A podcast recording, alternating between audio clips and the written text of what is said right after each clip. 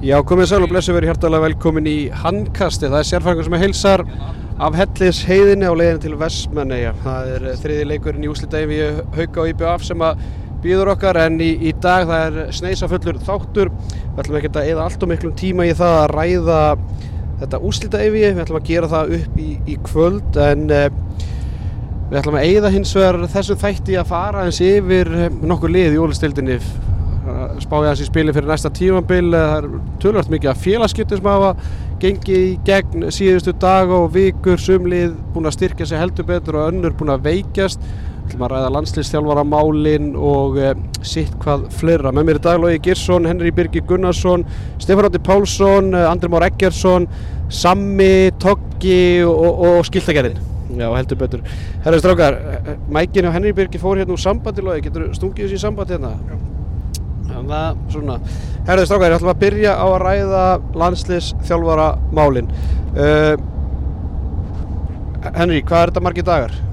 Herðu, 95 í dag sínust á öllu að Snorri Steinn muni gangandi við þetta 100 daga það staði 100 daga þjálfarinn Já, það, var, það er gott við henni Það er ljómandi fínt sko. Já, en uh, samkvæmt mínum heimildum þá uh, bendir allt í þess að Snorri Steinn Guðjónsson verði tilkynntu sem landslýsjálfur íslenska landslýsins á þriðju daginn, hann er alltaf laung helgi framöndan og um, ef ég þekki Guðmund Bjólarsson rétt þá er hann bara leðinni til Vestmenna í dag. Hann, hann er ekki viðstöndur þegar hvernig liði Vals varði Íslandsmeistari fundarhöld sem að fóru fram þann dag í lengdust töluvert og, og hérna er vonandi að, að það verði engin fundarhöld í dag og hann sé bara leiðin í, í Herjólf og, og geti verið viðstöndu þegar að EF og IBA ferður Íslandsmeistari í kvöld. Uh, Málmálana er, er, er þau að Arnór Allarsson verður að öllu líkjum aðstofþjálfari í Íslenska landslýsins með Snorra Steini Guðjónssoni og, og það sem hefur svolítið verið að flækja málinn er að Arnór Allarsson er aðstofþjálfari Álaborg í dag og er í miður í úslutukefni með Álaborg. Er þjálfari U21 áslandslýst Dana sem er á leiðin á stórmót og hann hefur svona síðustu dag verið að líka velja landslýshóp sinn fyrir það stórmót og síðan er hann alltaf að fara að taka við Tvís Holsterbró í dönsku dildinni sem aðfjálfar næsta þannig að hann er með mörg járn í hendi, segir maður það ekki? Mörg járn í eldinum. Já, í eldinum, já, í hendi Tveir fugglar í hendi Já, er með nokkra fuggla í hendi Það er alveg hægt að halda á hellinga járnum sko. En hérna og, og það er svona, það er, það er að flækja þetta allt saman er basically að hann skrifur þetta samling við Týrs Holstebrón alltaf og var lungum ákveð að hann myndi hætta með 21. áslagsliði Dana og síðan kemur þetta inn að og þá einhvern veginn bara breytir eh, samningamálin og hérna Í mínum heimildum er það ekkert endilega stoppan Tvís Holstebrón er bara er spenntið fyrir því að Arnur Allarsson verði aðstofþjálfari íslenska landslýsins en, en það er svona samt smá viðröndabjöllur þú veist hvað ætlar, hvað ætlar hann að gera ef Ísland fyrir á ólíupilligana þú veist þá er það bara off allt næsta sumar og, og allt það er eftir göttunum Logi, þú þekkir náttúrulega þessa leikmenn eða þessa þjálfara í dag mæta vel. Hvernig líst þér á, á þetta þjálfartími? Já, ef þetta er rétt sér átt að segja að þá líst mér bara mjög vel á þetta. Þetta eru mjög færið þjálfara Snorri náttúrulega löngu búin að sanna sig og, og gert eiginlega ótrúlega hluti með þetta valsli á síðustu árum. Og fór svona frekar rólega stað en, en heldur betur komum á frábæra stað og sjá það í Evrópakefninu og þetta ævindri sem voru í þar og, og ég er mjög lindur í að sjá Snorra vaksa með þessu liði og Arnór Alla ég náttúrulega þekki á bá og spilaði með þeim og þetta eru topp menn sem að hafa góða tilfinningu fyrir leiknum og mikla sín á leikin og þetta er bara ef að þetta er staðarendin þá er ég mjög sáttur Eitthvað, kemur þetta óvart að Snorri skulle taka Arnór Allarsson með sér í þetta eða er þetta ekki bara svona skrifað í steinin? Uh, Meitlaði steinin. Meitlaði steinin eða skrifaði skíin Sko, þetta er þræl skemmtilegt strákandir í bílnum. En hérna Nei, ég, það er alltaf svolítið erfitt að, þú veist, það er bara eitt sem að tekur ákvarðanar og stýrir bátnum, það er ekki tveir sem að haldur stýri, sko en Arnór Atla er náttúrulega búin að vera í svolítið tíma sem aðstofaþjálfur og vantilega orðin góður í því og er að taka sitt fyrsta svona stóra stóra starf, ég meina danska úrvalstildin þetta er engin smá, þetta er ekkert smá starf sem hann að taka að sér, þannig að maður skilur það ef að, ef að þetta er lendingin og þetta er búið að taka þennan dagafjöld að klára þetta, þá er það bara þú veist, þetta er alveg eins og þú sagðir á hann þetta er stóra ákvörðum fyrir alla og líka bara vill félagi þetta, að Arnór sé líka með landsliðinu Henry, þú er alltaf lengi verið Já, verður það góðu. þú hefur lengi verið í þessu, hérna, þessum bransa öllu saman. eh, Þú náttúrulega varst, hvað, þú varst mikið inn í þessu þegar að Geir Sveinsson var ráðinn á sínu tíma þegar að Lúbum með Rann Jess var inn í myndinni og þú hefur svolítið, já, af okkur sem sitjum henninni hefur kannski dílað hvað mest við allt þetta, já, þjálfara leitina, sambandi Guðmund B. Ólafsson og allt þetta. Þú ert búinn að tala um þessa byð og, og, og allt þetta hver er svona þín skoðun á öllu saman og, og er eðlilegt að eins og Guðmundur B. Ólafsson eins og ég nefndi í handkastinu í síðustu viku ég menn hann hefur bara ekki mætti viðtal eftir að Guðmundur B. Nei, Guðmundur Þorður Guðmundsson var rekin og, einmitt í þeirri fréttatilkynningu vildi að meina að það hafi verið samil ákvörðu sem, að- sem að vara sjálfsögðu alls ekki veist, er eðlilegt að, að það hefur bara ekkert heyrst í manninum bara í, í fleiri, fleiri vikur og, og jafnvel mánuði Spurðu mig? Já, Uh, nei, það er bara langt frá því að uh, vera eðlilegt og ég veit ekki alveg hvaða PR fulltrúa þeir hafa verið að, að tala en ég efast um að einhver hæfur PR fulltrúi hafi mælt með því að það er bara mjög gott að grótalda kjafti í 100 daga eftir að gefa frá sig yfirlýsingu og réttilega segir er ekki svona rétt þó að þetta sé nú bara lenskan í dag. Uh, þeir mistu málið uh, út úr höndunum þegar að Dagur Sigursson svolítið sprengir það upp og svara því ekki og eftir það var bara tekin ákvörðun um að henda sér bara í bunkerinn bara í kójuna í Herjólfi og, og vera bara þar þar til að já, yfir líkur sama hvað tautar og raular sem munu þetta gera það að verkum að það er þú veist, er, er mörgum spurningum ósvarað þegar að Snorri Vardon verða lóksins eh, tilkynntir og og það þarf að díla við það og glíma við það en þetta er ekki góð stjórnun og að ætla sér bara að taka kalla strútina og þá stinga haustum í sandin og vona að sé bara allt gott fyrir ofan sko sem að er ekki, lendingin er og verður þessi sem er vissulega mjög góð en eh, þegar þeir líta tilbaka og gera þetta upp get ég ekki ímynda mér að þeir séu ánægð með það hvernig þeir hafa haldið á spöðunum í þessu máli Samkvæmt mínum heimildum verður Snorri Steinn tilkynntur á, á þriðjudaginn á blánumfundi Henry. Hvaða spurningar má Guðmundur B. búast við að fá frá þér og, og, og, og svona öðrum blaðamenn? Ég hef ekki bara að geima það fyrir þriðdægin Já, ég, Já, ég menn hann bara segir sér sjálf, hann bara leipur ekkert út af þessu fundi nema hann verður bara spurður út í öll þessi mál sem hann tengjast þessu jákvæða og neikvæða, þetta er þetta frábær dagur er ráðið nýjum landslýsjálfari en á meðan það er ekki búið að gera upp mál, önnur mál að þá verður fókusinn víðar heldur en bara á ráðningun og það finnst mér ömulega leiðilegt því þetta er dagurinn að snorra og hann að snúast um þá gleði hans að þjálfari. Ekki það að kannski hálfu fundur þurfa að fara í það að formaðurinn svara einhverju spurningum um ferlið, dag Sigursson og svo framvegis. Það er hund leiðilegt fyrir snorra og mér finnst það bara lélægt að það skulle þurfa að enda þannig. mm Sábi, hvaða spurningar fær Guðmu formar HSI frá þér? ég myndi spyrja, spyrja veist, hverja þeir rættu við hvað snorri, þú veist númer hvað var hann af hverju hafa þeir tekið ákvörðun að tjá sig ekkert veist, hvað, hvað var svona viðkvæmt það mátti ekki hérna taka síman uh, endal og guðmundar bara, þú veist, bendir allt til þess að hann hefði náttúrulega bara verið rekin og hvernig þau samskipti voru. Það er svona það sem ég er að hugsa núna. Já, er það ekki, er ekki rétt hjá mér að þegar Arnóður Viðarsson var rekin hjá, hjá KSI og þá var hérna Vanda Sigurgestóttir bara mætt í viðtal við alla fjölmi, íslenska Sa- bara fjölmi samdægurs. Samdægurs Já, samdægus og mjög opinn og, og einmitt sagði bara hérna, stjórn á KSI það var bara ekki traustlingur og, og, og það hefði bara verið tekjum svo ákvörðun að slíta því samstarfi og, og, og það var bara þannig og þá var það bara mál búið Já, ég meina þú spyrir það líka bara, var hann ekki í rekin? Og það var bara basically staðfesti það, það er ekki kjaftaði bara, við bara höfum ekki lengur trú á hann, bara hundlega eðlilegt, hún var sympatísk og hún var rosalega flott og sagði bara því miður, við bara höfum ekki trú að hann geti klárað þetta verkefni en svona skiptu hann út, því miður þetta bara gekk ekki upp, topp maður, en því miður bara gekk þetta ekki upp. Hversu flóki er það bara stundum að vera svolítið heiðalegur í og þessu? allur þessi tími gefur bara líka sko svona ástæður fyrir til dæmis Dag Sigursson að koma fram og vera með eitthvað svona spekulasjónir og svona í staðis að bara koma bara hreint og beint fram skýra stöðu HSI hvað er, hvað er í gangi. Punktur. En tíminn líður svona og er að veða 100 dagar.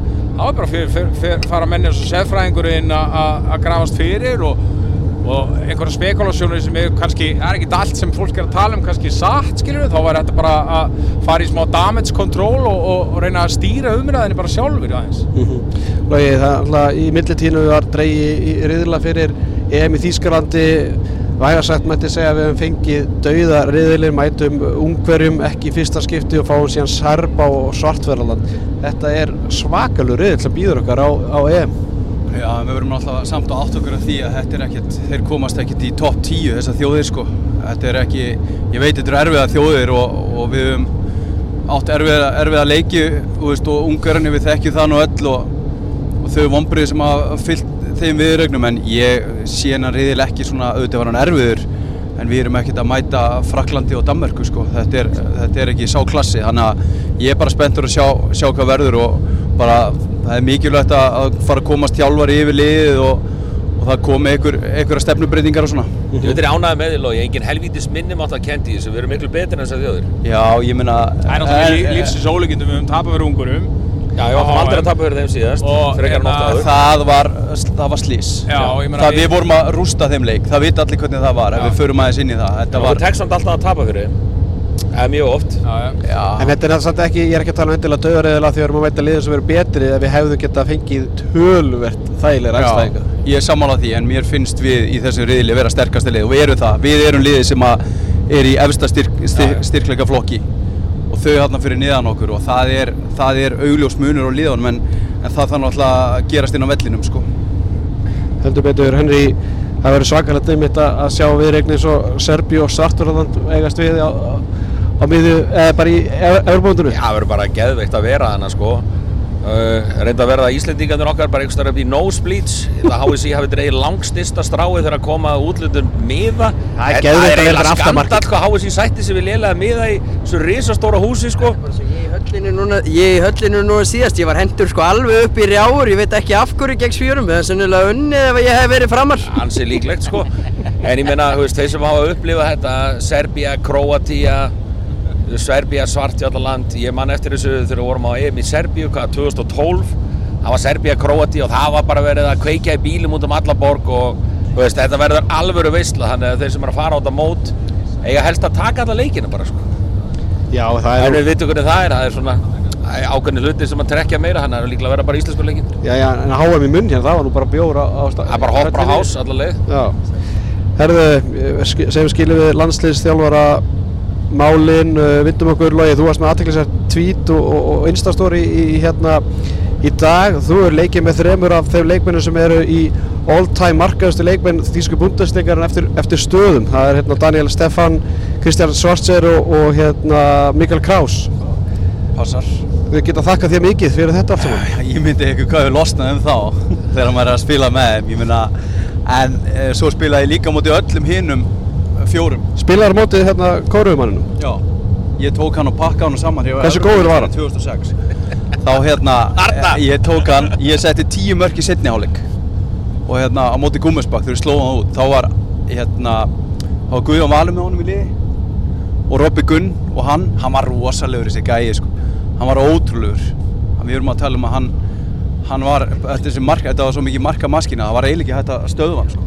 Var ekki, Han- Hans Lindberg, hann var að toppa hann bara núna um síðustu helgi, komið tvö mörgum yfir hann, hann er í hægra hotninu, uh, Lars Kristjansen er í vinstra hotninu, það verður svona fróðald að vita, allir Guðjón Valur hafi verið langt á eftir og Guðjón, alltaf, Guðjón Valur alltaf að spila bæði í Þýskalandi, nei, í Fraklandi og Spáni, það kannski svona hefur áhrif á þetta allt saman. Ég þurfti eiginlega að skoða bara listan. Ég, ég með það því að Guðjón Valur er markaðist til landslísmaður frá upphafi. Þannig að hann er ekki langt frá honum. Hann er, ég man hann var komin yfir 2000 mörg sko. Að hann er eitthvað starfna rétt á hann er eftir ekki honum. á topp 5 í maður rétt sko Já, við minni það. Uh, strákar, En Lógi, hafa þessi strákar hann á Lengo eitthvað haft samband og bara takk. takk Lógi. Já, ég meina, ég dældi á línuna. Það voru alltaf tveir að dekka mig. Fyrst einhver skríti að þeir séu með 2500 mörgar í þessari Hvað deildi. hvað áttu mörg mörg á Svartsjön? Ég veit það ekki. Ég var að gefa fyrir aftan bak endalust á hann og hann hafði aldrei fengið svona sendinga þegar ég mætti sko.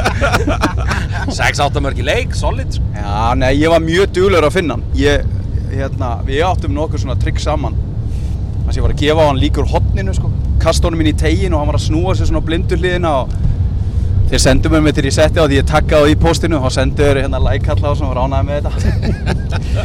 Bara höfum það að hreinu strákar að að Logi hafa búin að gefa okkur grænt ljós að það verður ask Logi hérna í bílnum á eftir þannig að þið með endilega hugsa spurninga á logan hérna en, en allt fyrir neða belt er ekki í bóði en við tökum það á eftir en Jú, ég vil bara líka. Naflið, þú var að tala í eitthvað mikrofónu og ætlar að taka þátt í þessu.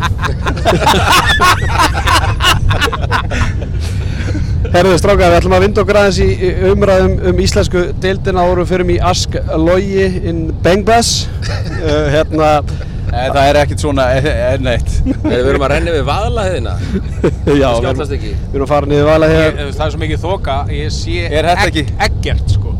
Þetta er Er rosa. talandi það, talandi það Logi, áttið þú ekki að vera legin í þyrr? Jú, sýnist ykkur það, sjáu þetta? Þetta er Þú, rosa. þú veist, við hefum lent í surt, segist okkar, sko. Við hefum- Þú veist, þetta er svona ákveðið í þyrlu að þú þarft að sjá hvert út að fljúa, sko. Er það, Þú er, er það gott? Já, það er betra. Ef Þetta er Logi, svona- sko, ef að Þorbergur Aðarsteins var í bílnum, hann myndi að segja við þig, þú þorðir þorðir ekki ekki í verkefni. Sko ég hefði ekki farið í þyrlu ef að, ef að hérna ef að ég væri hægt að fljúa í þessu ég myndi að sjáu þetta er En við sjáum, við sjáum nefnilega ekki neitt, það er bara blinda þoka, sko. það er rosalega þókað hérna. Ég leta ekki stoppa mig, ég mæti. Já, að sjálfsögðu. Vel gert. Herðu, strákar, förum aðeins í, í umræðu, ég ætla að ræða hérna, ég ætla ekki að ræða öll liðin í úlstældin en, en þau svona sem að, já, hafa verið svolítið, já, að sækja sér leikminn eða missa leikminn og, og byrjum bara á, á afturlíku strákar, liðið sem að enda sem byggameistarar á tíðanbyrjunu, uh, dett út í oddaleik Uh, það er vitað að mála að Einar Ingi Rapsson hefði lagt skóna á hilluna og Úlfar Pallmónsi Þórðarsson er á leiðinni, eða gengin er að er vals. En þeir hafa heldur betur um, fyllt upp í þau skörð og gott betur og það búin að sækja Þorvald Tryggvason í, í fram til að fylla skarð Einar Singa Andriður Helgason á að fylla skarð Monsa og síðan hafa þeir einnig sótt Leosnæð Pétursson frá stjórninu og Birgir Stein Jónsson frá Gróttu. Sabbi, þetta er ágættis styrking? Já, ég meina það sem ég er að hugsa bara með þessari styrkingu bara núna strax er bara úslita einvi afturöldi gæfá eftir ár. Þegar þú bara komið þangað? Já, mér finnst þetta bara að vera það mikil styrking. Birgir Steinn er bara eitt besti leikmann í deildinni. Þú veist, það er bara svoleiðis og og ef þeir haldaði Þorsten Leo hann fyrir ekki neitt og Birgir Steinn það kannski aðeins að, að hérna, kannski ná honum inn í rótringurinn að hægra meginn fyrir utan til dæmis og þá verður þetta bara eða á miðunum náttúrulega líka þegar við vorum í náttúrulega miklu vandræðum á þessu tímabili þegar að menn duttu í meðsli þegar Blær til dæmis meðist og, og var ekki með það, miðumannstaðan var erfið og svo er bara Leo Snær frábær fyrir aftan Átna Braga og svo líka að setja Átna Braga í hægri skittuna og þá fyrir bara Leo náttúrulega er í hotninu, hann er frábær hotnamaður og einn ein besta vítaskittan í deildinu náttúrulega Andri og, og Ígor er Ígor áfram? Já. Já, þú veist, mér finnst þetta bara, mér finnst kannski aðeins markmannstaðan vera smá spurningamerki. Og eru þeir með, sem er stólið um mér nafnið á þeir eru með 19 ára sko stykki inn á línunni með Hjörleifsson, drengur sem er bara, þetta er, þetta er rosalegt stykki. Ég var handbóltað hann er bara línumæður í afturlendingu Já, ok, ég hef bara aldrei heyrt eitthvað Hjörleif svona áður en ég er greiðalega spenntur að fylgjast með honum í ég er hitt, ég hitt hann ekki Já, ok. King en Hjörleifs. þetta er svakalegt stykki Eða þetta hittir í gerð og veist ekki hvað hann heitir og veist hann í Hjörleifsson. já, það er því ég þekki pappan Já, hlaut að vera. Svona Hjörleifa Guttenssonar. Hérna, eh, Henry, þetta er... ég er með, ég er með eitt vingil á þessu Já. í fyrra þá sáu Gunna þá hafði hann úr sko þá hafði hann úr átta útileikmannum að velja og það virkaði engin blanda hjá hann Guðmundur Bræi, Hamza Kablúti, Sveinn Andri og þeir sem eru... Já, ég er með eitt vingil á þetta Oft er bara betra að vera með eitt kjarna Það sem eru bara þrý leikmenn vel spilandi Og vera með svo eitt, tvo mjög góða í rótiringunni með þeim Í staðin fyrir að sópa saman Ég er svo oft búinn að sjá þetta Og þetta gerist í atvinnumennskunni marga oft í okkur í Lemgo líka Þegar við vorum komin með hérna, Moksjæ og Glandorf Og vorum með þrjár örfendar heimsklassa skittur Þá, þá virkaði ekkert sko. Taktikinn bara á milli þryggja sem er alltaf að æfa saman Taka leikina saman Það verður svona ákveðin svona kemistrija í liðinu þú veist þegar maður spila mikið með sömu leikmennunum þannig að það er ekki bara gott að að hrúa inn stórum nöfnum sko. En það þetta þarf er- að láta þetta virka saman En þetta er náttúrulega bara einn, einn maður í viðbótinn í útilínuna. já, en já, ég veit það, en ég er bara að tala um almennt Já. Þú Já, veist, það, það, bara þegar það er verið að þeir eru örugglega ekkert hættir sko. Þeir ætla sér stóra hluti að í Mosesbænum Þeir ætla sér stóra hluti, það var spurning hvort þeir ætla að taka þátt í undakeppni fyrir Evrópkeppnina, þeir er náttúrulega byggamestarar en það sem að, eins og, og Sábir segir, þeir eru bara með Blæ og Þorstein Leo og svo er Birgistinn. Bergvin var náttúrulega ekslar aðgerð, þú veist, mögulega kemur hann eitthvað inn í vörnuna, þannig að þetta er ekki nema þrý leikmenn að rótir af miði og vinstu skiptunni, þannig að og svo náttúrulega er það að missa Monsa, fá andra Helga í staðinn, er að missa Einar Inga, fá Þorvald í staðinn, svo er það að fá Leo. Ég veit ekki hvort- hvað ég ætla að gera við gest Ólaf Ingvarsson, það er svona hins vegar spurningan. En þú veist, þetta snýst líka um það að þau geti ímyndað ykkur þegar afturleikur var á teig á æfingum, hverju voru að spila á móti Þorstein Leo og Birki Átnabra, eða skilum hvern, og ég hef alveg heyrt af því að að gæðin á æfingum hafa getur verið stórkvæslega þegar þeir voru að stilla upp í vörn og, eitthva, og það voru bara einhver guttar í þriðaflokki að, að spila á móti þannig að þetta hefur líka, ég held að þetta, held að þetta sé bara sleppið ágætlega en ég er alveg sammála þeir get ekki fyrir að fá einhver 2-3 leikmenn í, í, í viðbót ofan á þetta. En þetta er, það er greinilega að það er rosaleg stemming í Mósesbæn bara úr því að, að komast ekki úrstiltakefni fyrra og einhvern veginn bara ekkert að frétta í það bara byggamestara dett út í undanhanslumju eftir ottaleg, eftir svakar, eftir emmi og þvílit mótlæti hérna frá dómorunum fylla síðan höllina það er bara tveggja þryggja tíma, sjó bara fyrir leik og það er þvílikum meðbyr í, í Mósberg Við heyrðum líka Gunnar að tala um það, uh, Gunnar þjálfara, Gunnar Magnússon, að hann breytti öllu, hann gerði allt öfugt við það sem hann gerði á síðasta tímabili. Þú veist, bara æfingakúltúrnum og hvert er fór í ferðir, hvernig hann gaf frí, hann bara, hann tók bara, fóð bara í 180 gráðuna með það sem hann var að gera í fyrra og, og maður finnur það bara eftir unnina titil að þá er bara, það er öllu til tjálta, þeir eru að byggja við þarna og það er bara, það er mikill metnaðar í Mosó. Mér fannst líka frábært það sem hann segir í viðtalinu í handkastinu að ef þeir hefðu unnið fram í síðasta leiku á síðasta tímabili farið inn í úrslutakefnin í áttundasætinu þá hefði þetta ekkert gerst, ég held sjálfur rétt. Botnin, náðu botninum sig saman í andlitinu byrja algjörlega bara frá grunni breyta hlutum, gera hlutina öðruvísi. Ég held að þetta hefði skilað bara þessum árangri sem náðu í- á þessu tímabili. Og þetta var einhver ótrúlegasta ráðning síðari ára. Hann er með frábært lið og hann einhvern veginn eh, floppar algjörlega en hann fær þryggjára samning. Já, þetta var bara, það var ótrúlegt að maður var bara að lesa um þetta, ég trúði svo alltaf fyrst en þetta er aldrei búið að skila sér. Heldur betur. Henry Birgir uh, afturleik var orðaði Tandrabá Konradsson á, tíðanbili en hann ákvaði síðan að framleikja samningi sinn við stjörnuna. Þeir fá Birgistein. Hvort leikmannin hefði þú þegið sem, sem uh, mikill stuðnismæður og afturleikar Sko, ég er eh, verið í gerðu tíðina bara mjög harður uh, tandramaður og uh, þessi vistu ár eftir að hann kemur heim algjörlega frábær, ótrúlega dóminerandi og maður fannst hann stundu bara jafnvel spila á 70-80 bró sketu. Það var eiginlega of auðvelt fyrir hann. Ég Tandri hefur auðvitað gefið eftir meðsli verið að plagan, ég meina hann er- bara svona gæi sem er erfitt að treysta á í framtíðina. En að Birgir Steinn er bara á leiðinu upp. Þetta er náttúrulega bara mjög auðveld spurning hvað það varðar að Birgir Steinn auðvitað er eh, miklu álitleri kostur, físilegri kostur akkur þessu tímapunkti. Tandri ágað síðan að semja aftur við stjörnuna. Ég, ég veit að ég viljað sjá Tandra breytum umhverju sko. sjá hann fá aðeins svona nýtt challenge og Ég held bara að það er ekkert lið sem að gæt bóðun það samning sem hann vildi. Nei, hann náttúrulega þurfti samt að taka lægri samning Já, því að stjarnan var bara í erfiðu málum og þurfti að endur sem við já, eiginlega bara alla sem hafa gátuð endur sami við þannig að Tandri sætti sig við lélæri samning en hann var samt greinilega betri en það sem aðri buðu Akkurat ha, Já, það er bara sem er málið. bara staðreind Það er staðreynd. Já, þannig að það er svolítið magna Það er með ólíkittum. Herru, förum í upp á Nes, strákar, á Seldarinnesi það sem að, að gróta Það var mist tvo leikmenn til afturlíkar, mistu ekki mist, seldu Birgir Stein Jónsson á okkur kringu 3 miljónu króna og, og los, eðst, leysa síðan Andar Helgason undan samningi og sem ákveður að fara í Mósesbæinn. Þorki Berki Davíðsson, hægri hotnamaðurinn, hann hefur lagt skóna á hilluna og, og síðan er Danin Thijs Kokk Sonnegard búinn að skrifa undir hjá liði í 50 deild í, Þýskalandi. Þetta tengdist eitthvað eh, því að hann vildi fara bara í nám og, og, og gætt farið til Þýskalands og, tengt námið sitt þar við, við danska kúltúrin uh, þetta, þetta er svolítið mikla breytingarsápi Já, heldur betur og ég bara hef stórkostlar ágjur af, af grótu og ég hef sko mín sín á deildakeppninni næsta tímafél verður að ólistildin verður rosalega tvískipt. Fleiri liði vandræðum þannig ég held að, að fallbaróttan á næsta tímaféli verði bara ofbóðslega spennandi. Og ég held að sé að nafnin er ánægð með þetta. Há- Hákáðingar, þeir eiga vel séns. En þetta, ég meina, ég, og þeir hafa ekki fengið neitt í staðinn Kostur að geta staðið í bílum Stundum verður maður, stundum verður maður bara upp og klappa. Já, já. Vil ykkur herra maður, vil ykkur herra maður. Namni, tættu bara aðeins hérna, tættu aðeins mækir tættu aðeins mækin Já, Það lítur að kýtla eins í, í, í fingurnar á ykkur hákæðingum að sjá leik, liðins og, og gróttu vera að missa þarna bara fjóra-fimm líki leikmenn. Selfissingar missa líka Alveg klála og Káa líka, auðvitað búin að missa, missa leikmenn og hérna Káa er reyndar að fara að sækja allavega tvo útlendinga. Frá Noregi? Uh, frá Nóri og, og Í Ísland. námi Og Frá. Nóri sem eru í námi Góður að fótballtaka Já, já, en hérna það eru þetta gríðilega mikið tækifæri í bóttbártunum ég held að það verði mjög skemmtilegt að fylgjast með henni og geta mörgliðið allavega eins og staðin er núna fallið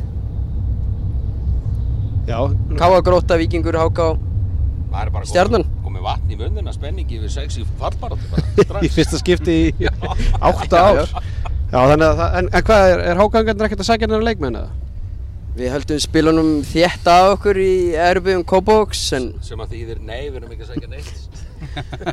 Við erum auðvitað, fengum auðvitað hérna auðvitað óvæntustu stjörnum stjörnunar í, á síðust, á núna þessu tímbili Ara Sverrir. Og hann mun auðvitað gefa liðinu helling. Heldur betur, ég meina þetta er Þið, þið farið bara í úrslutakefnina með Ara. Nei, nei, auðvitað ekki en auðvitað gefur liðinu eitthvað En, en eru þið ennþá brendir af þessu Georgiumanni sem kom þarna til ykkar þarna? sem var getandi M&M inn í klefa fyrir æfingar og fyrir leiki. Já, Nei, við erum hérna, við erum ekki ennþá brendir yfir honum en við vorum það um tíma. Það var hérna auðvitað ekki gott og hérna auðvitað lélegt skáting hjá Ella og Villa þar, það verður bara viðkjönast En geta þeir, Andri, þú ert alveg 100% ef þeir bara bæta engu við sig halda þessum hóp að þeir haldi sér uppi? Ég, mér, finnst erfitt að segja til um það en ég tel það líklegt að Háka bæti einhverju við sig hvernig sem það verður. Já, En- það, ver, það fer hver að vera Ég síðast held að verður engin, já, já, ég held að verður engin, engin, ekkert rosa nafn, en ef að fá koma tvær hendur og dekki viðbútt eða, já, allavega, það er bara einn aður ég veit það, það er sem ég var að segja.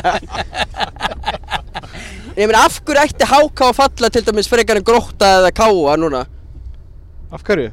Já. ég, þeirra, Bara sagan segir það, það er bara En sagan er ekkert með gróttu þegar þeir missa bara langt besta le leikmann sinn. Ég sé enga mun og gróttu og háká En okkur er ekki að tala um Viking Víkingur fellur alltaf, Já, þetta er já, að tala með það- þetta þeir- sæti. það er að tala um ellendasættir stann núna já.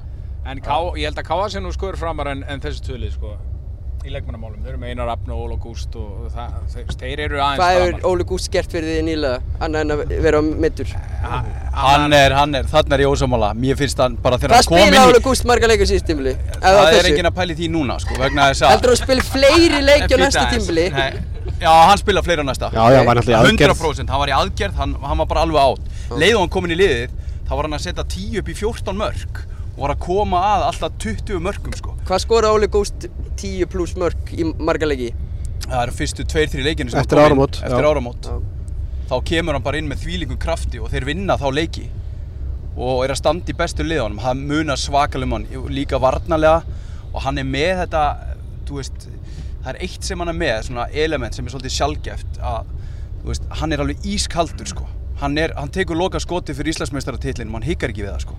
Hann er með svona, hann er verið aldrei hrættur og þú veist, hann, hann verður ótrúlega mikilvægur ef hann helst í standi sem ég held að verði núna þegar hann er búin að jafna sig á sér aðgerð sko. Það er sammála því Svo er spurning með náttúrulega liðið sem við erum að keira hérna inn í bæinn Selfoss Selfoss Það er þeir ekki, þeir eru búin að semja eitt spánverja og, og síðan er held þeir eru búin að fá Gunther Spilpugsvar á En herði Einar Sverrir, hvert, hvað endur hann? Hérna Sverris, Já. er ekki bara í Selfossi? Það er búið að ganga frá því? Nei, ég hef ekki hugmyndið það Nei. Ég, spur, ég spurði Einar Sverris fyrir hérna eftir síðasta leikinans hvað myndi gera næsta tímbili og hann var óviss.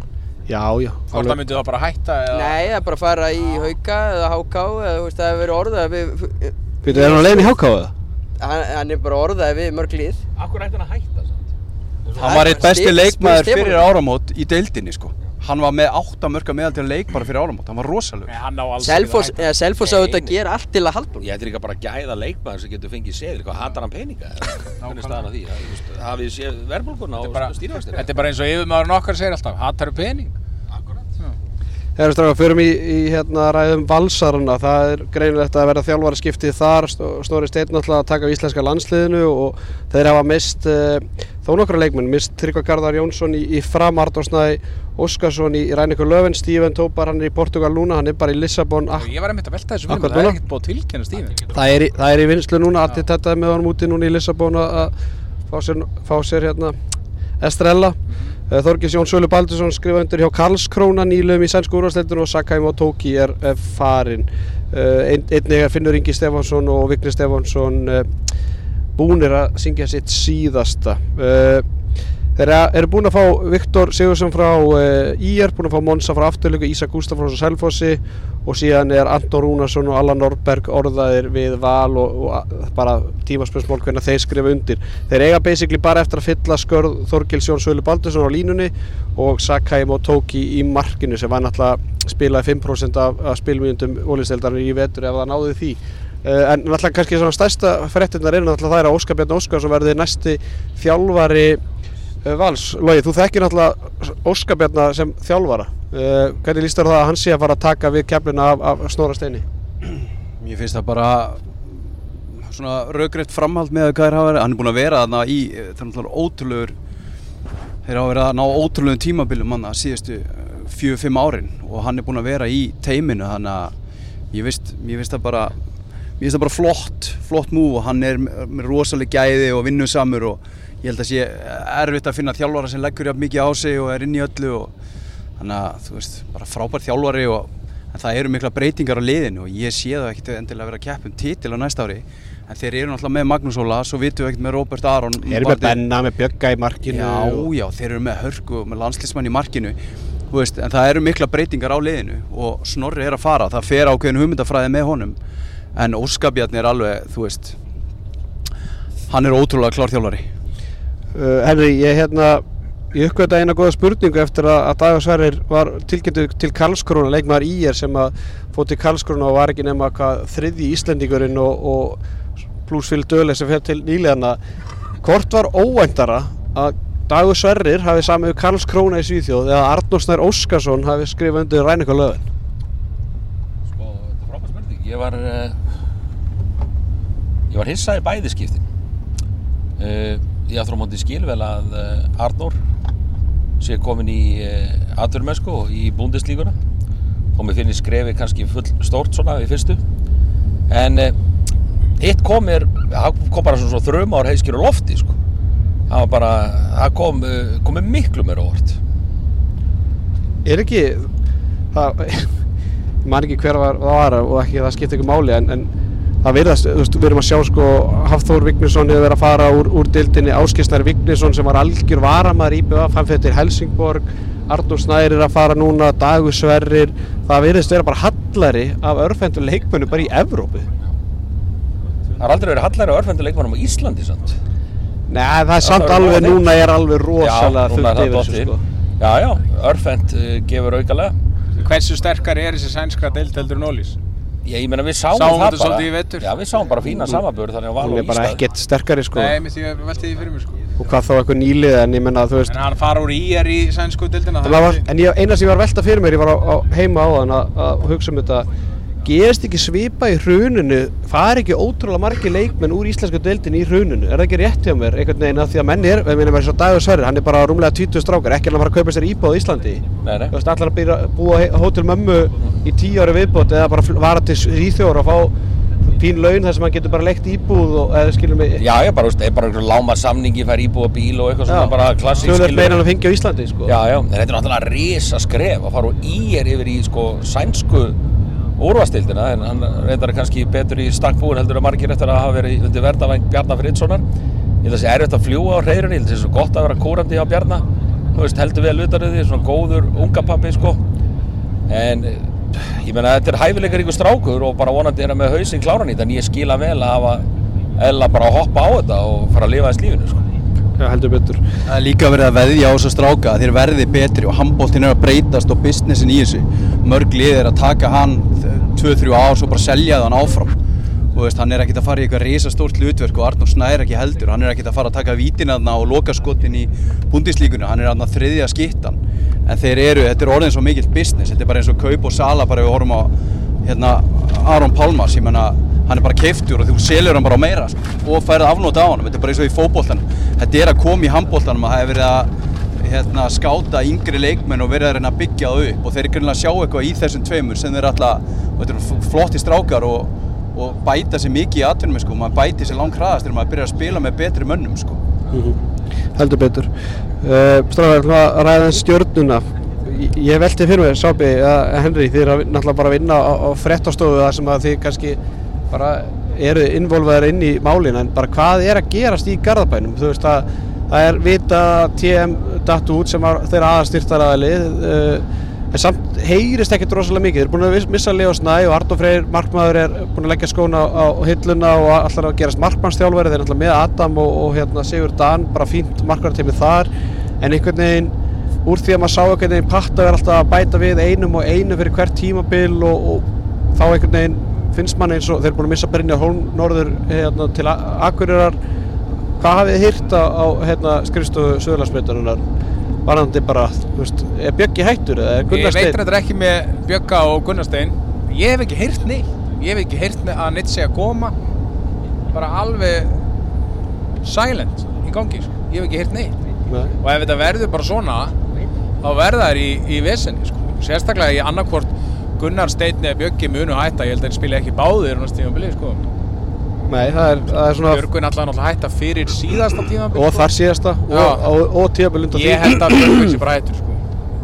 Ekki- I have breaking news. Við ekki hérna Aflinn ætlar að rífa okkur nýtt raskat Já, Týndi sonurinn í Garðabæðin alltaf komin heim Egil Magnússon. Já, hann er reyndar búin að vera orðað við stjórnuna Nei, hann er komin, það er búið tilkynna. Það er búið það til búið, það var bara að vera Á- tilkynna. Nei, á Óli Steildar spjallinu, strákum mínir. Eru þið ekki Nei, það er ég ekki. Ég er Remías á jólaskónum. Þeir eru bara, þeir eru bara boltablokkir. Já, King Hermansen Já, já, já. Já, ef ég, Ég menna við erum komin með Egil Magnússon, sko. Já, já, ok. Gott að blessa uh, Það er, það- what have you done for me lately, sko, þegar- þar, sko. sko, þegar Patti kemur í stjörnuna þá var rosalegur meðbyr. Það var svona meðbyr eins og er svolítið á afturöldingu núna búin að ná í titil allir með, þú veist, Patti er bara þú veist, er stærsta hetja stjörnunar allir tilbúinir að koma með auðvelt að ná í peninga auðvelt að þjappa sér í kringu liðið ætla sér stóra hluti. Hlutinir hafa ekki því miður fyrir þá ekki gengið upp. Uh, fjárfestar einhverjir hafa dreigið sér er það? ákveðin ekki þessi ölgerinni, þetta er ekki hann en aðri fagfjárfestar. Þá dreigir sér hlýja témi farið út. Uh, það er auðvitað bara erfiðar ástand í viðskiptalífinu. Það er erfiðar að sækja peninga í dag heldur en oft áður og, og stjarnan er bara á erfiðum stað og fannar að tala um að byggja upp á yngri leikmönum og annað. Og það er ekkert í neinu takti við það sem að stóð til þegar Patrik kom innan hvað fyrir þreymar árum það var bara að gera stjörnuna að stórveldi að vera bara e- eitt, eitt og tvö eitthvað svoleiðis eftir svona þrjú ár. Það er bara hrunið. Þetta projekt í miður bara fyrir stjörnuna það er hrunið og þeir eru í einhverju smá gjörgjæðslu fjáraslega líka á meðan að það er leitað hóan af nýju styrtraðalum hann og þetta er bara já því miður, þetta var bara projekt sem að gekk ekki upp. Það er bara starrið Já, Logi, ég væri til að heyra bara hvað gerir Egil Magnússon fyrir stjórnuna? Hef nú alltaf verið eh, svona svolítið á Egil's bandi sko því ég veit alveg hann er góður í hóp og hann er góður varnamæður og hefur náttúrulega verið að eiga mikið af meðslum. Ég held hann komið til með að styrkja og fáið mikið spiltíma og, og eins og í F-fóliðinni vetur, ég meina það voru bara aðri le leikmenn sem að tóku fram úr honum. Einar Bragi var betri heldur en ég bjóst við og þú veist bara he, allt tímabilið hann kláraði örgulega eitt síðslið, fjóra-fimm leiki sko hann tók bara yfir þó að Steini hafi Steini Ardal hafi nota, notað Egil og allt það, hann bara náði einhvern veginn ekki sínum takti þegar hann fyrir stjörnuna og fær hann bara meiri spiltíma og, og hérna, ég held að hann verði flottur á næsta tímabili Af sko. hverju ósköpunum heldur það gænir ekki geta raskat í 2-3 ár, er alltaf meittur Af hverju, úst, hvað segir okkur hann geti gert eitthvað á næsta ári? það kemur alltaf eitthvað nýtt, meina, breytist úst, skrokkurinn, ég trúi því ekki hann sé að vera eitthvað betri, sko sko ef hann, jú, hann getur þjálfað sér betur upp hann er alltaf búin að díla við alls konar svona meðsli óheppinn. já, hann er hrikalega óöfin og það er þessi strákar það er, það er svo mikið í, í þá varið sko eins og bara eins og með hérna Óla Kúst, vorum að ræða það. Þetta eru bara gæjar sem ég væri til að hafa með mér í lið. Það þarf líka bara að láta þá virka eins og þeir virka best. Setja leikin upp fyrir það og ég hef bara fulla trú að Patti muni bara gera helling fyrir hann og hann fyrir, og Egil fyrir stjórnuna allavega mín tilfinning, ég, ég skil vel að að þið kaupið þetta ekki en ég, ég ætla alltaf að býða og sjá. Já, ég sko, sko, ég vona svo innilega að Egil náir sér á strik En mér finnst ekkert benda til annars en hans er gjörsalega game over í handbólta Það er, er enga forsendu fyrir öðru eins og staðan er akkurat núna. Ég vona svo innilega að hafi rántur í mér En ég, það er ekki forsendu fyrir öðru. Nei, það er bara, það er bara þannig náttúrulega, Ég meina, það er bara verið þannig síðustu þrjú tíðanbíl, þannig að það er bara svo leiðis, en ef, ég meina auðvitað, ef, ef og hefði og ef hann verður spila 14-15 leiki í deildinni eða eitthvað svoleiðis, ég meina hann síndi það alveg stundum í vetur og hann, hann er hann er frábær handbóltamæður þegar, þegar hann sko Ég man reyndar er í ekki standi Skulum ekki gleyma því að með tímabili á línunni setti Steini Arda liklana í hendunar á Agli Magnússon. Já, Á loka mómenti þegar allt var undir. Það var rosalega balls í move sko, en Egil lokaði með sendingu.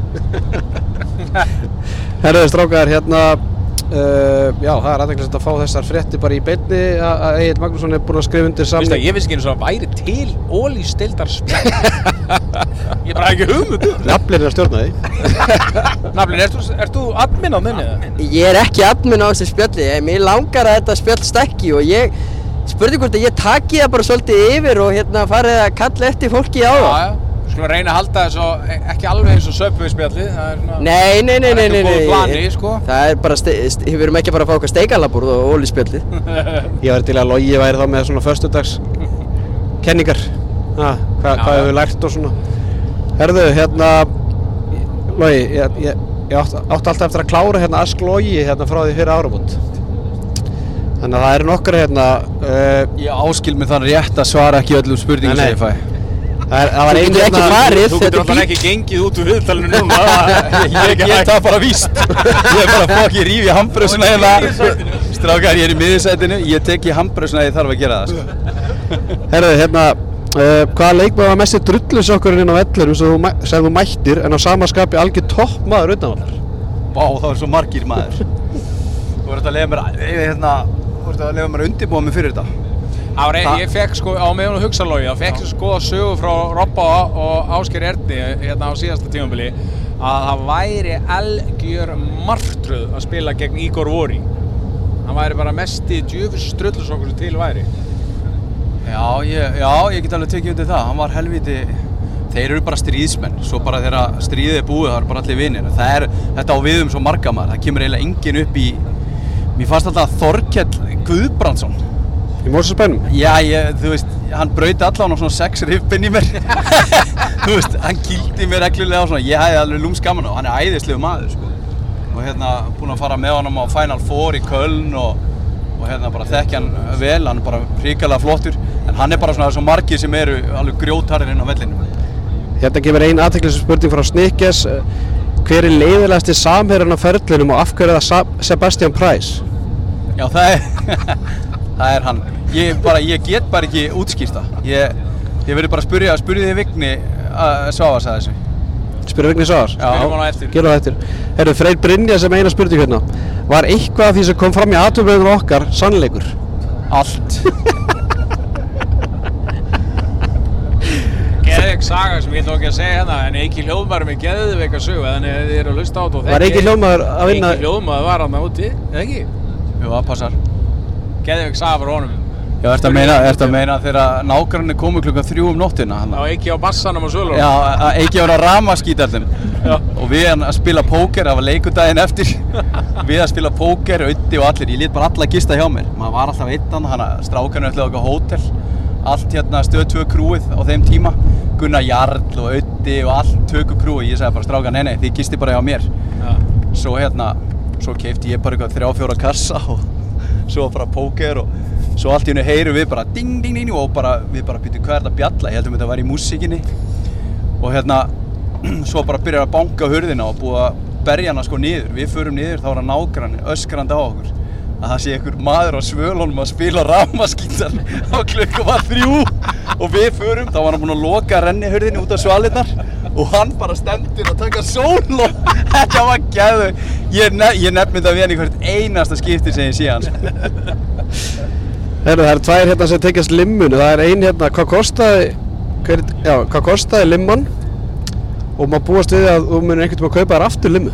ég reyndi að kaupa hann aftur Gaurinn keirði yfir inn í, í hérna eh, hann keirði inn í Þórsmörg á henni yfir allt rastlið Gaurinn sem keipti hana, jú, ég, þetta var í fréttónu, sáðu þetta ekki? Þetta var fór á limósinu í Þórsmörg, fór yfir ána. Herðu, ég hringdi bara í Gaurinn og sagði bara, herðu, ég ætla að kaupa hana bara aftur. Hann sagði, já, herðu, hún er fyrir aftan hérna krónuna hérna í Breiðholti, hann upp í, og ég fyrir að hitta hana. Þá hérna þá leiti þetta hrikalega út, þá voru bara einhverjir hérna sem voru búin að hreyra sig um sig í sem að byggu inn í limmunni. Og það búið að rífa allt út úr í það var sko áritun hérna frá Óskar til að hója og ég veit ekki hvað og hvað. Og hérna en ég man ekki hvað hann kostaði, ég man samt hvernig sagan var. Þetta var þannig að að Steini Gúst vinnur mér ringir í mig og segir herðu, þetta er eitthvað fyrir þig. Það er limmo síðan til sölu. Ég fer bara á reynsanum upp í sjoppuna sem ég hitti ykkur. Nei, nei það sem við vorum að borða á hann. Ólís við veginn herðu, tenging við Ólís-dildina hitti gæjan þar og bara kaupa hann á staðnum bara keiri burtu, sá hann bara taka taxa ég, ég keiri því bara en kauparið verður ekki gefið. Er þið með eitthvað spurningu á Það var frábær limma, ég get staðfest það. já, herru, ég kom nú til þín Já, þú komst nokkur ég er ekki með sko neina spurningu á loga Henni, ert þú með eitthvað? Sko, En strákar í bílnum, eru þið með eitthvað spurningu á já, loga? erum við skulum byrja á sama. Ég, ég er ekki með neina spurningu, sko. flott Frábær spurning. Já, þurfti að undirbúa mig fyrir þetta. Það er, að hafa núna um það byrju 50 mínútur, sko. Það er búin að líka í loftinu, sko. Já, ég er búin að vera með eirónum alltaf tíma. Akkurat. Hérna, Vil ég ekki vita spurninguna sem ég átti að fá í í hérna veislunni? jú, þurfum var í gangi þar? Hver, hver er á sú spurning? Jésús, ég sá þetta hann á borðinu, þeir voru búin að skrifa, þeir eru allan vel undirbúinir hann í veislunni. Já. Þannig að ég var búinn að sjá þetta, ég lappa hann í stúdíu og þeir voru að fara fram hann á sér í eitthvað nokku og eitthvað. Sá ég spurningarna, svo þegar það var ein spurning í hana, þá var bara, nei, nei, ég er bara farinn, sko. Þannig að ég ætla ekki að láta það flakka, ég tökum það kannski í næsta þætti. Ef ég var til að vita ekki samt spurninguna. Nei, ég ætla ekki að segja spurninguna. Hún er bara það gróf. Hún er, já, þetta er þannig. Sko, ég er ekki menna sérstaklega spurningu á hann Loga minn. Ég hérna, þekki Loga eiginlega betur en ég vildi þekkja. Herru, herru, ég, er reyndar með eina Ég, ég, ég er reyndar með eina Hver, Hvert er svona eftirminnilegasta mómentið milli ykkar tveggja þegar að þið voru að skrifa bókina um, um mig, um þig Og það er að skrifa lengri bók um, um bókina. Er þessi spurning... Ángríns, það, það hefur verið betra heldur í bóki, sko. En hérna, veitu hvað, ég man ekki, hvað Þetta kemur upp í byrjaði hausinn? náttúrulega í sko Eyjafjallajökulskosinu. Já, festumst. Vignir komst út og ég ekki og við fórum beint í leik. Nei, við gistum í köp en á gólfinu í barnaherbygginu núverandi aðstofan landslýsalvara Arnóri Atlasinni. Alveg rétt, maður. Eftir að Loxus komust út, Lukkutrölli sótt okkur. lukkutrölli sótt okkur í Flensburg og við náðum inn í leikin, hvað, bara 50 mínútur fyrir leik eða eitthvað. Á, skulum bara viðkjanna, það var riði okkur. Ég, ekki mér. Já, aðalega mér. Þetta var rosalegt og þeir voru brjálæðir. Vignir bara mættur inn á línuna. En ég bara var að koma þarna, þetta var ríkalegt moment, sko. Nei, það er svona 20 ári við getum sagt frá gerðarkvöld. og líka við fórum í golfi og ég fór á hjólinu. Ekki byrja að tísa þetta, Nei, ég ætla ekki að segja þessa rosalegt. sigur. Það er nú... Ég prjónaði yfir það ekki? Á hjólinu, á velli. Það var rosalegt. Það er nú svona, þetta er alveg 5 mínúndar saga, sko. Við höfum 6 mínútur, þannig að þetta er alltaf Ég skora samt á fólk að fara inn á Twitter-akkánti mín og horfa á nýjustu fæsluna mína með hérna með gæinn sem er að segja frá hérna bróðu sinum sem er með einhverju, hafið þið séð þetta? Nei. Ég verðið að sjá þetta, þetta er finnasta sem þið munu sjá á þessu ári Æja, en nú um það, það eru ykkur fleiri spurningar Nei, ég... ætli komið með eina Já, sami meina. Lói, nú ert þú svona mikill bílakall eða ekki? Jú, Herru, þá spyr ég hvað er hraðasta sem þú fyrir á í bíl? Keirandi eða sem farþegi? uh, ég held ég, ég, ég var allavega á 180 í morgun Hvað segirðu? Á Reykjanesbrautinni Ha? Ég er að djóka, þetta var grín Herðu, Einmitt. Nei, ég held, ég held bara Autobahn og svona. Já, ég held 250, 60 eitthvað svoleiðis. 250-60 km hraða? Já. Það er ekki hægt. Nei, það er rætt Tekin! Ég ætla að taka mig Sama pakka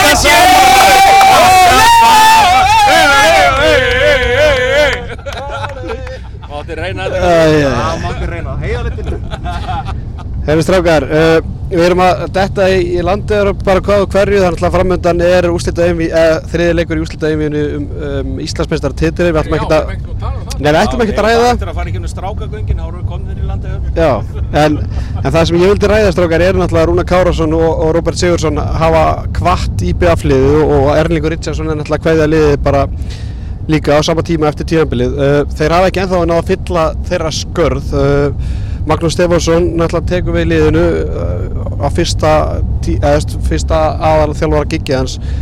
Hvar sjáum við þetta IBF-lið bara ef við förum bara á næsta þurfa, þeir- þurfa að fylla þetta skarð sem að Rúnar skilur eftir sig. Þetta er bara, ef það er einhver leikmann sem hefur verið yfirbörðar í einhverju liði í deildinni þá er, þetta Rúnar, það Rúnar Kárásson annars verða það náttúrulega bara alls ekki á þessum stað á næst tímabili og ég, ég meina Arna Birkir Haldunarsson er náttúrulega orðaður við IBF og þeir verða eiginlega leggja mikið upp með að klófesta hann ég meina það er mjög gott fyrir liðið og svo er Róbert skilur eftir sér risa skarð og ég sé þá ekki ná að fylla þetta að fullu sko Nei.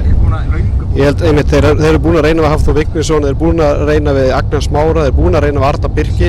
Mér skilst það að síðasti söludagur á Arnari Birki eða, eða já, er 31. mæ, þá verður, það er Lukasens, þeir eru búin að býða eftir einhver svar í, í tvo mánuði eftir honum og, og, og samkvæmt mínum heimildum er þeir byrjar að leita út fyrir landsteinuna og eru farnir að skoða erlenda hægri skittu en, en hérna það verður frólægt að sjá hvernig Magnús Stefánsson uh, mun uh, já, bara, reið, eða, bara ganga sem þjálfari hérna fyrsta ári í eigum og jafnvel með Íslandsmeistara lið í, í, í höndu sér, það er ekkert það er ekkert grín.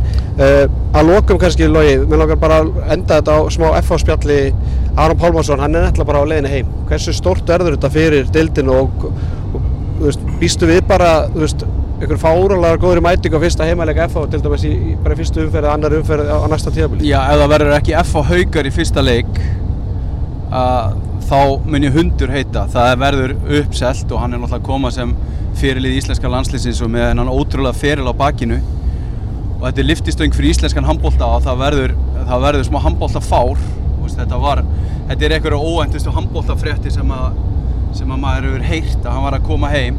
Svo hafa þeir líka bara verið að bæta við sig. Búinir að vera stabilir síðustu ár og bæta við sig núna Danna í markið uh, sem var Íslandsmeistari með liðinu 2011 og svo bara já þetta verður Símon Mikael já kemur ekkert á óvart og að líka Siggi Seðlir er dregin á, á, á fluginn í þetta og fleiri og fleiri og þú veist það er bara það frábæð breytti í þessu lið þetta er skemmtileg blanda á sér að ennþá. Að þetta verður bara næsta tímabil verður alveg risastórt. Þú vilt fá seðilin heim? ég vil fá Seðlin heim, já. Hann frábæð markmaður og, og búinn að vera að glíma núna við meðsli og, og hérna, hann fyrir annarkvört í val eða með Bjögga eða hann kemur heim með Danna í FH reikna ég með Já, þetta var frábært kól hjá hérna Loga Haukar FH í fyrsta leik Ég, eða, ég, ég fer að skora á mótastöðun FH Haukar. þetta verður að vera Þetta er bara ekkert eðla góð hugmynd sko. Það er bara algjörlega sammála. Það þarf að hugsa móta fyrirkomulega líka út frá því að byrja þetta með látum og Haukar FH með uh, Aron Pálmarsson make it happen. Sko. Fullar. Það reyndar svona illa vegi að að nafla hann vildi með þá FH HK Nei. HKF og alltaf fyrst í leik Það er náttúrulega, ég er komið saga melli FH og HK á nafli. Það er sögulífnur það. Já, já, HK er orðið uppeldi stöð fyrir FH, ekki geta þær ekki geta þær aðlega upp eiginleikminn. Nei, nei, nei, nei, það er bara ég gera það nú líka, rólur En maður kom eitt punkt, fyrst að, að ég, hérna, ég hef gert að hefða hérna, taka yfir hérna séfaran. Já, Ef að hérna IBF fyrir Íslandsmeistar í dag og hérna fær Björnviðar, fer Björnviðar upp á pall, hann spilaði eitt leik. nei, hann Er fer, hann hann fer ekki upp á pall Akkur ekki? Hann spilaði eitt leik. Já, en ég bara get lofa þér því að hann mun ekki fara upp á En pall fær hann ekki medalju samt? Jú, getur vel verið Það fyrir alltaf ekki á pall. nei, nei, nei, nei. Hann geti fengið medalju, það er, það er ekki spurning en ég Ég held að að, ég að láti að vera að fara að fagna upp á palli hérna eins og hver annar eiginmaður Herru, við erum mætti, hvar, hvar erum við strákar? Við vorum göngunum að land- við vorum að kóla úr strákagöngunum. Herru, þeir eru strákarnir að pissa í sig hérna, við bara þökkum kærlega fyrir okkur og Er ég komið Twitter-reikningi minn aftur, allir að followa, Steppoinn, takk, bless Steppoinn á, á Twitter. Það er ekki dvergaklám lengur á mínum Twitter-reikningi. Þakku fyrir hlusturinn að ég bilu og... Lóksins var gaman að fara inn á reikningin